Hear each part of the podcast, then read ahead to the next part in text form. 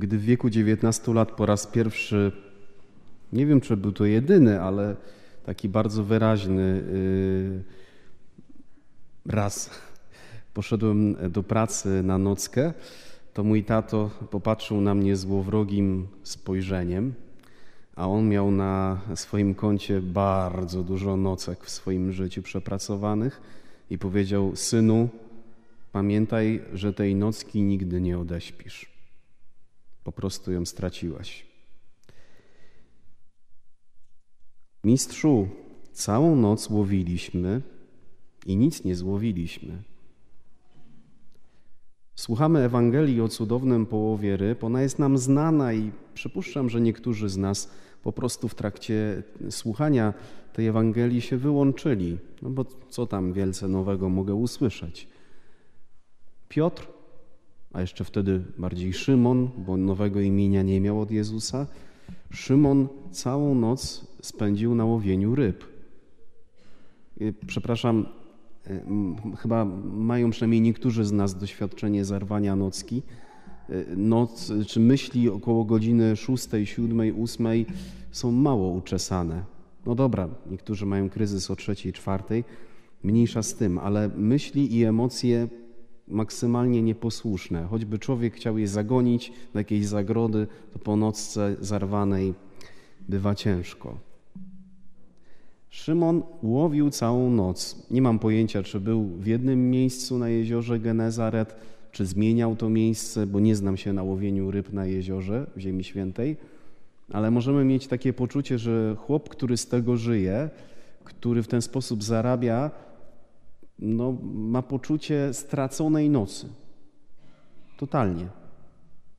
I w tej sytuacji, kochani, dokładnie w tej sytuacji, do jego łodzi, która była miejscem porażki, wchodzi najpierw Jezus i mówi: Odbij od brzegu, i z tej łodzi głosi Ewangelię, czyli traktuje tą łódź jako swoją ambonę, a potem jeszcze, jakby tego było mało, mówi do niego: Szymonie, wypłyń na głębie i zarzuć sieci. Ludzka logika mogłaby popychać Szymona do szukania rozwiązań jak tutaj podnieść jakość swojej pracy, żeby była bardziej wydajna. Hmm. Po drugiej stronie jeziora jest Zdzichu, który ma stocznię. Może on by mi sprzedał nową łódź, inny kształt dna, może ryby się inaczej zachowują. Zostawię dotychczasową w rozliczeniu. Może jakoś, jakiś dobry deal będzie. Hmm. Może, może jednak trzeba zmienić sieci, bo z moimi sieciami już jest coś nie tak.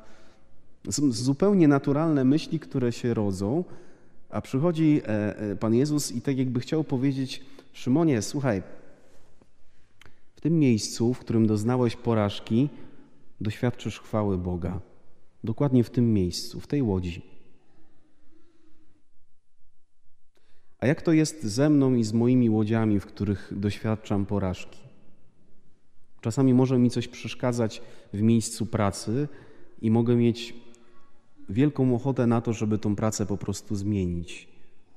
Mało tego, czasami może mi coś przeszkadzać e, w, w relacji z kimś i mam ochotę w ogóle przestać się z nim zadawać.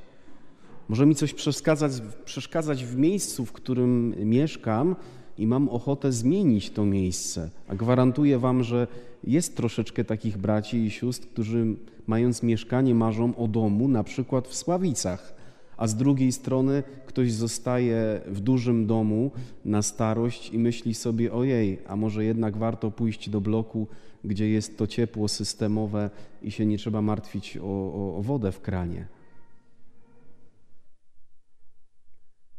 Jest genialna Ewangelia, dlatego że Jezus przychodzi i mówi: W tej łodzi, z której nieraz byś chciała uciec i z której chciałbyś uciec, doświadczysz mojej chwały. I to jest coś z tego, co zobaczył Izajasz w pierwszym czytaniu, kiedy Pan Bóg otworzył przed nim niebo i aniołowie wołali przed tronem Najwyższego: Pełna jest ziemia Jego chwały. Tak na marginesie, nie wiem, czy zauważyliście, że ten fragment przetrwał do dzisiaj w liturgii, ponieważ w trakcie święty, święty śpiewamy to na każdej mszy świętej. Ale co to znaczy? Czego doświadczył Szymon? Czego doświadczył Izajasz? Pan Bóg się przedstawił w ten sposób, Nawet tam, gdzie nie widzisz mojego działania, nawet tam, gdzie wydaje ci się, że jestem specjalistą y, w szukaniu sobie kryjówki, a ty masz się bawić w chowanego i mnie wreszcie znaleźć, nawet tam ja mam kontrolę, ja mam władzę, ja mam potęgę i ja chcę okazywać to, że wszystko mam pod stopami. Kiedy naród wybrany szedł z Egiptu do ziemi obiecanej, to narrator biblijny mówi, że chwała pańska, obłok chwały pańskiej szedł na, przedzie ludu albo z tyłu. Kiedy e, wybudowano najpierw namiot spotkania, a potem świątynię, to w Starym Testamencie słyszymy, że obłok chwały pańskiej wypełnił te miejsca. Więc kiedy słyszymy słowo chwała, to tak naprawdę Pan Bóg mówi o swojej obecności i to nie byle jakiej obecności, ale w tej obecności, w której On jest święty, święty, święty. I to właśnie się wydarzyło e, w tej łodzi, która była miejscem porażki. Szymonie, choć możesz mieć ochotę zmienić swoją łódź, choć możesz mieć ochotę zostawić swoją dotychczasową łódź przy brzegu, to Jezus dzisiaj do ciebie, do ciebie mówi: wypłyń na głębie i zarzućcie sieci na połów.